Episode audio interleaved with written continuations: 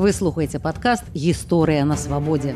Ён таксама даступны ў відэафармаце на Ютубе. Вы глядзіце і слухаеце канал гісторыя на свабодзе. З прагі вас вітае Сергея Бламейка. Якія супольнасці на тэрыторыі Беларусі існавалі да таго, як з'явіўся беларускі этнас? Ці сапраўды так званы балцкі субстрат адыграў істотную ролю ў фармаванні беларускага народу? Ці існавала старажытна-руская народнасць? Пра гэта і пра іншае мы пагаворым з беларускім этнолегам былым прафесарам полацкага дзяржаўнага універсітэту доктарам гістарычных навук уладзімірам лобачам. Добры дзень уладзімир. Добры дзень. Ну вось першае пытанне ў мяне да вас такое. Адны археолагі не бяруцца вызначаць этнічнае, ну ці моўна-лінгвістычнае паходжанне археалагічных культур, якія яны вывучаюць і даследуюць. А іншыя даволі рашуча гэта робяць. Вось да ліку апошніх, напрыклад, адносіцца расійскі археолог акадэмік Валянцін сядоў. Ён вельмі рашуча піша, што так званая банцараўска-тушамлянская культура 4 сёмага стагоддзяў яны так называюцца паводле вёсак пад менскам і на смаленшчыне што вось гэтая культура з'яўляецца сінтэзам балтаў і славян якія на тэрыторыі беларусі пачалі змешвацца ўжо тады ў чацвёртым сёмым стагоддзя і вось пытанне як вы як этнолях ставіцеся да так званага балтска субстрата? Ці ён быў наогул? Ну моўныя праблемы лінгвістычныя праблемы сапраўды вельмі складаныя. Э, я упэўнены что э, далёкія ад свайго канчаткового рашэння але э, вялікі пласт балскай лексікі у беларускай мове беларускіх гаворках яны цвердзяць не пра выпадковасць гэтых запазычанняў пра іх такі каренны архаічны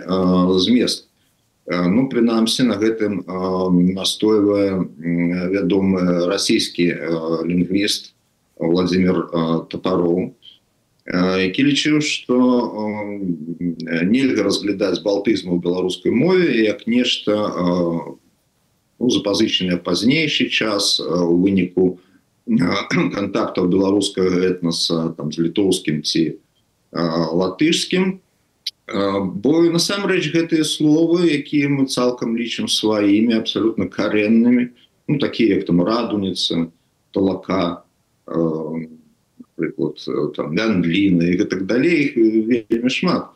Яны ўжо ну на гэтулькі прыжыліся што іх немагчыма як бы адарваць ну адрозненне напрыклад ад пазнейшых запазычанняў рэальна там з нямецкай мовы ось там кірмаш той самы выразна бачым і час калі это слово прыйшло і абумоўленасць сацыяльна-эканамічную А тут ну такі спрадвечны пласт лексікі іншая справа што сапраўды археалагічныя дадзеныя не даюць на простага адказу на моўную сітуацыю на моўныя працэсы іх інтэнсіўнасці гэтак далей але э, можна меркаваць что сапраўды яшчэ э, часы ранняга сярэднявечча э, гэтыя працэсы адбываліся вельмі інтэнсіўна акрамя таго балскі субстрат ён выяўляецца не толькі моўнай сферы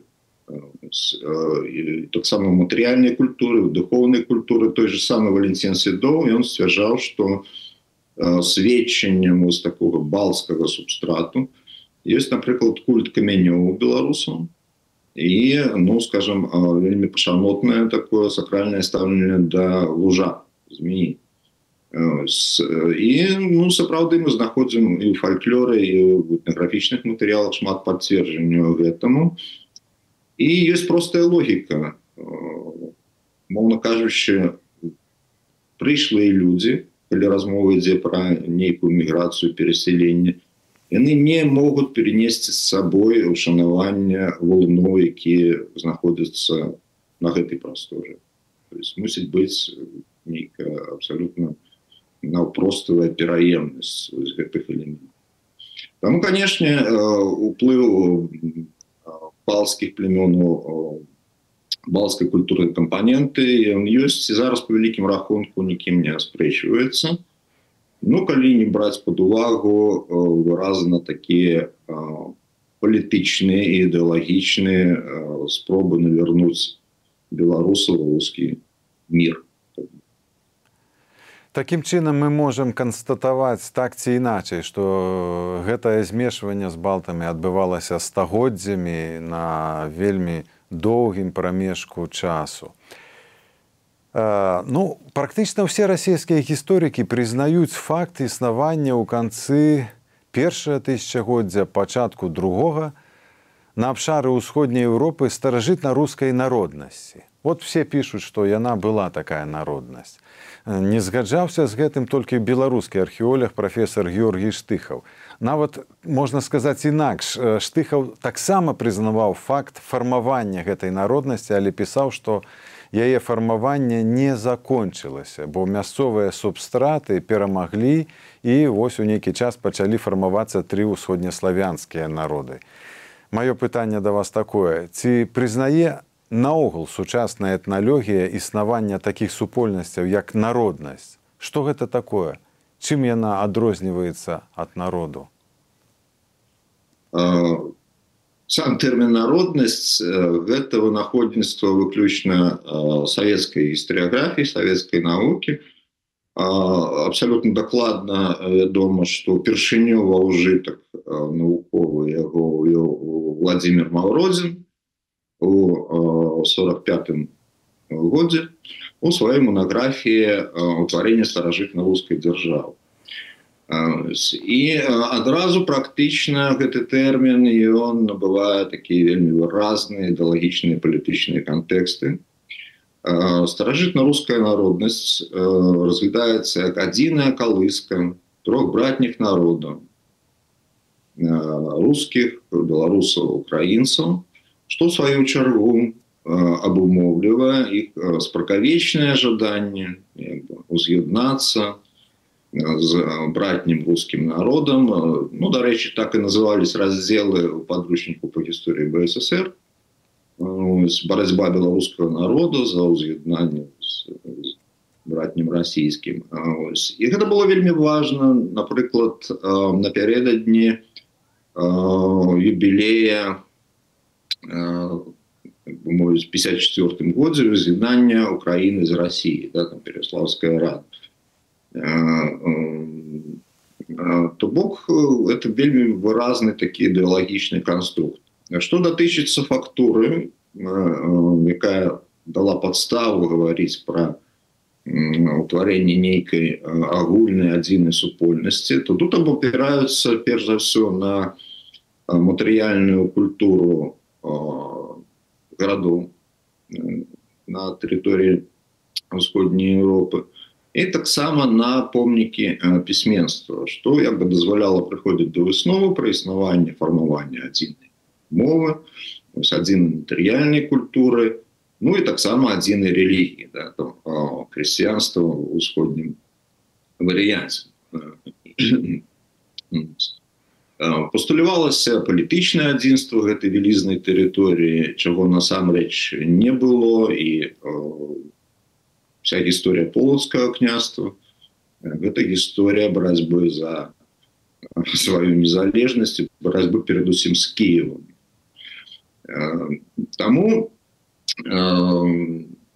сам тэрмін народнасць не мае аналагаў в прынцыпе у замежнай этналогіі і і закліканы быў вырашыць такую дылему паводле фармацыйнага прынцыпу этнас праходзіць у сваім развіцці некалькі стадый першая такая да класавая планка гэта племя. Затым ідзе народнасць рабаўладальніцкая альбо феадальная і затым як вышэйшая форма этнічнай супольнасці гэта нацыя і э, таким чынам э, усходнія славяне як бы дзякуючы вот этой канцэпцыі старажытна-рускай народнасці яны э, так э, вельмі ліха пераскоквалі вот эту э, рабаўладальніцкую прыступку і э, наперадзе планеты все адразу фармавалі э, такое феадальное грамадства феадальную народнасць тым как потым э, перайсці ўжо да нацыі спочатку капіталістичний, а потім соціалістичний. сапраўды культура гарадоў яна у пэўнай ступені аднародная но немагчыма казаць гэта ў адносінах да скажем низавой народнай культуры да культуры шматлікіх селішчаў і больш таго калі прааналізавалі велізарны пласт новгородскіх берсцяных грамат а гэта гаворка звычайных людзей. І жанчыны мужчыны рамеснікавы гандляроў. То выявілася что цалкам мажліва гаварыць пра існаванне асобнага новгородскага дыялекта вельмі адрознага ад так званай старажытнай старажытна-рускай мовы мовы адукаваных эліт. Ну а тады давайте паглядзім у такім кантэксце. Як далёка ў мінулае народу могуць зазірнуць этнолегі якія для гэтага ёсць інструменты? Ну, ну класічна лічыцца так что этналогія як навука на мае некалькі груп крыніц якімі карыстаецца ў сваіх доследах. Ну найперш гэта вынікі палявых даследаванняў лічыцца найбольш каштоўнымі бо даследчык мае унікальную мажлівасць кантактаваць непасрэдна з носьбітам культурнай традыцыі другая група гэта пісьмовыя крыніцы дзе так ці іначе адлюстраваны нейкія зрухі нейкія працэсы этнічнага плану асаблівасці культуры і так далей таксама это могуць быць музейныя калекцыі все залежыць ад іх рэпрэзентатыўнасці скажем беларускі народны строй народны тэкстыль больш эфектыўна вывучаць у сховах расійскіх музеяў бо шмат туды было вывезена чым у беларускіх на жаль і так званые дадзеныя іншых навук І вось калі мы говорим про дапісьмовую гісторыю, то тут этнолагі не могуць абысціся без дадзеных археалогіі, дадзеных лінгвістыкі, нават этномузыкалогія, так фальклорыстыкі, міфалогіі як навукі. Таму што калі, напрыклад, архаічныя схемы светабудовы архаічныя элементы карціны свету супадаюць скажем у беларусаў і прыбалтаў гэта сведчыць ну, прынамсі пра тоеснасць гэтай ментальнасці і значна больш раннія часы Таму як бы чыста этналагічных спосабаў спасцігнуць гэта мінула на жаль мы не маем мы можем толькі інтэрпретаваць тое что нам подкажуць партнёры по прафесійным цеху і ну я б тут вельмі шмат увагі удзяляў якраз такі лінгвістыцы здольныя даваць адказы на шматлікі бачыце вы загадалі пра этнамузыкалогію І калісьці мне давялося працаваць у, у этнаграфічным музеі, музеі народнай архітэктуры і побыту. Мы ездзілі ў экспедыцыі і записывалі, канешне, фальфлор песні. І вось мне асабіста ўдалося запісаць песню ў вёсцы варашылкі мядзельскага раёну, за якую вельмі схапіліся музыколяхі з акадэміі навук, бо песня была ў музычным памеры сем восьмых. А это была вельмі прымітыўная мелодыя, але вельмі складаны рытм. І яны мне патлумачылі, што чым больш прымітыўная мелодыя, чым больш складаны рытм, это тым больш старая песня. І тую датавалі 15-16 стагоддзям. Это значыць, вось куды могуць зазірнуць этнолегі, прынамсі, вот у такія рэчы. І песня была на беларускай мове натуральна. І это жа э, блізкая да віленшчыны, фактычна віленшчына, это мядзельшчына. Ну, а, а, давайте і далей пойдзем. Лінгвісты гавораць пра беларускую мову як вынік змешвання славян з балтамі на тэрыторыі Беларусі. Таксама кажуць, што асноўныя асаблівасці беларускай мовы ўзніклі ў 8-9 стагоддзях. А мова ну это ж адна з асноўных прыкмет этнасу. І вось пытанне, калі наш беларускі этнас узнік. Калісьці Георгій Штыхаў Михай Ткачоў лічылі, што беларускі этнас існаваў ужо ў 13 стагоддзі. Вось той згаданы намі Валенцін Сядоў, расійскі акадэмік пісаў, што ў 13-14 стагоддзі узнік беларускі этнас. А ёсць людзі, якія кажуць, што падзел адзінага русінскага так званага протанароду на беларуса украінца пачаўся ў 16 стагоддзі пасля люблінскай уніі, пасля таго, як Украіна адышла да Польшчы.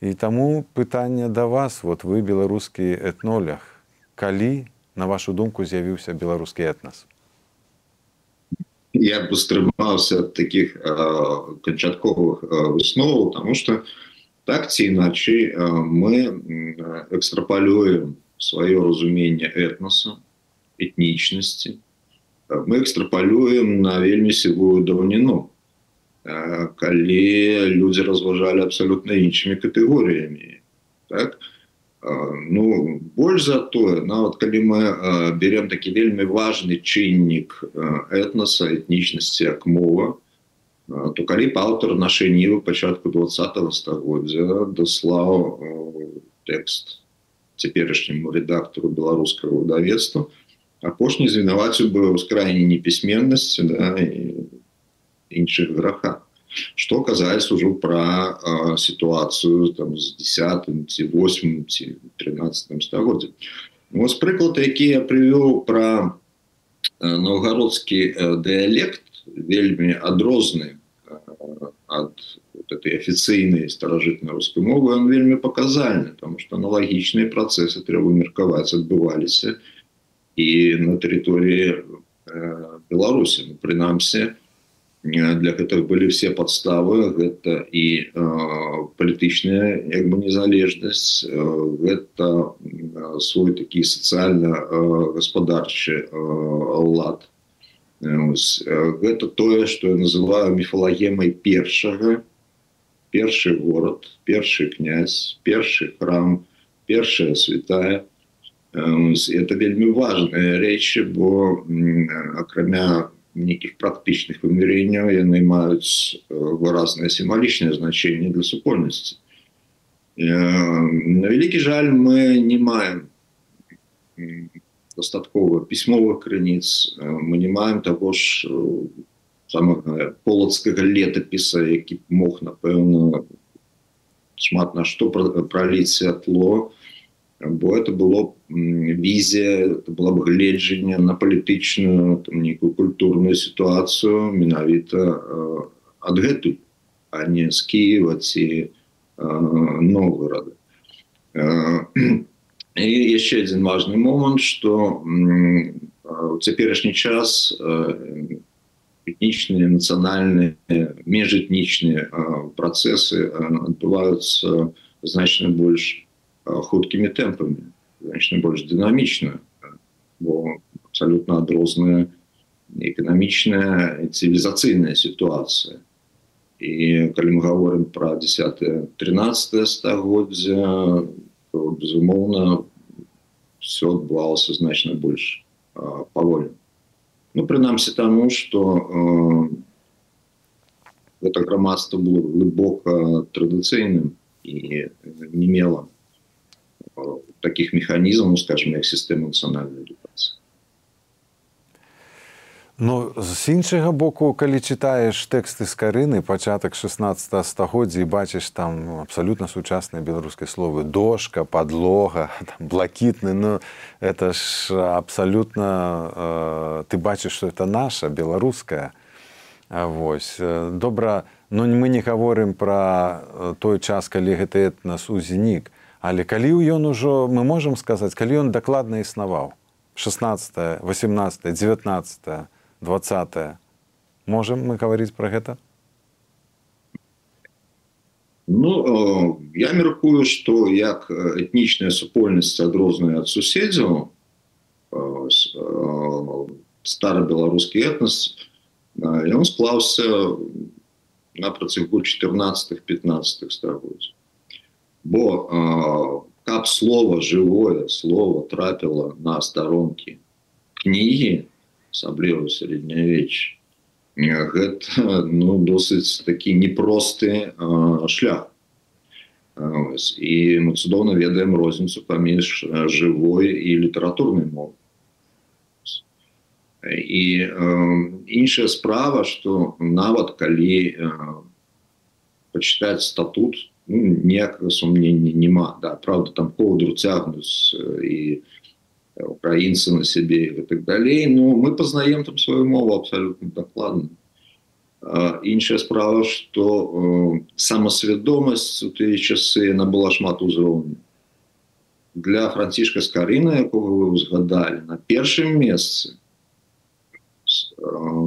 была яго так званая малая радзіма полацк ну трэба разумець что у бібліі няма выпадковых словаў там не можа быць нейкіх легкадумных вербальных канструкцый калі он піша что і пазначае і подкрэслівае за кожным разам что выкладзена доктором францішкам скарым со славного града полацка это на першым месцы біблію святой кнізе трэба разумець что для его стаяла на першым месцы у плане самовызначения однозначно. І там дарэчы вельмі цікавая модель. Он піша про слаўны град полацк і великое старое место праскае кніга выдаецца так вот розніца паміж слаўным і вялікім яна відавочная великое старое гэта апелюе да скажем так земных катэгорій таких жыццёвых в той час як слава славны град это уже апелюе больш да града божага каштоўнасць сімвалічная вышэйшага пара Таму тут могуць быць розныя чытанні чалавек які э, піша фактычна вот этой старабеларускай мовы ён сам вызначацца там мог і літвінам і э, русінам э, і гэты разрыв для нас як бы не зусім зразумелы то калі ты беларус ты говоришь по-беларуску тут все ясно. То там это было парадку рэчы быць палачанінам вот, калі выезжал за мяжу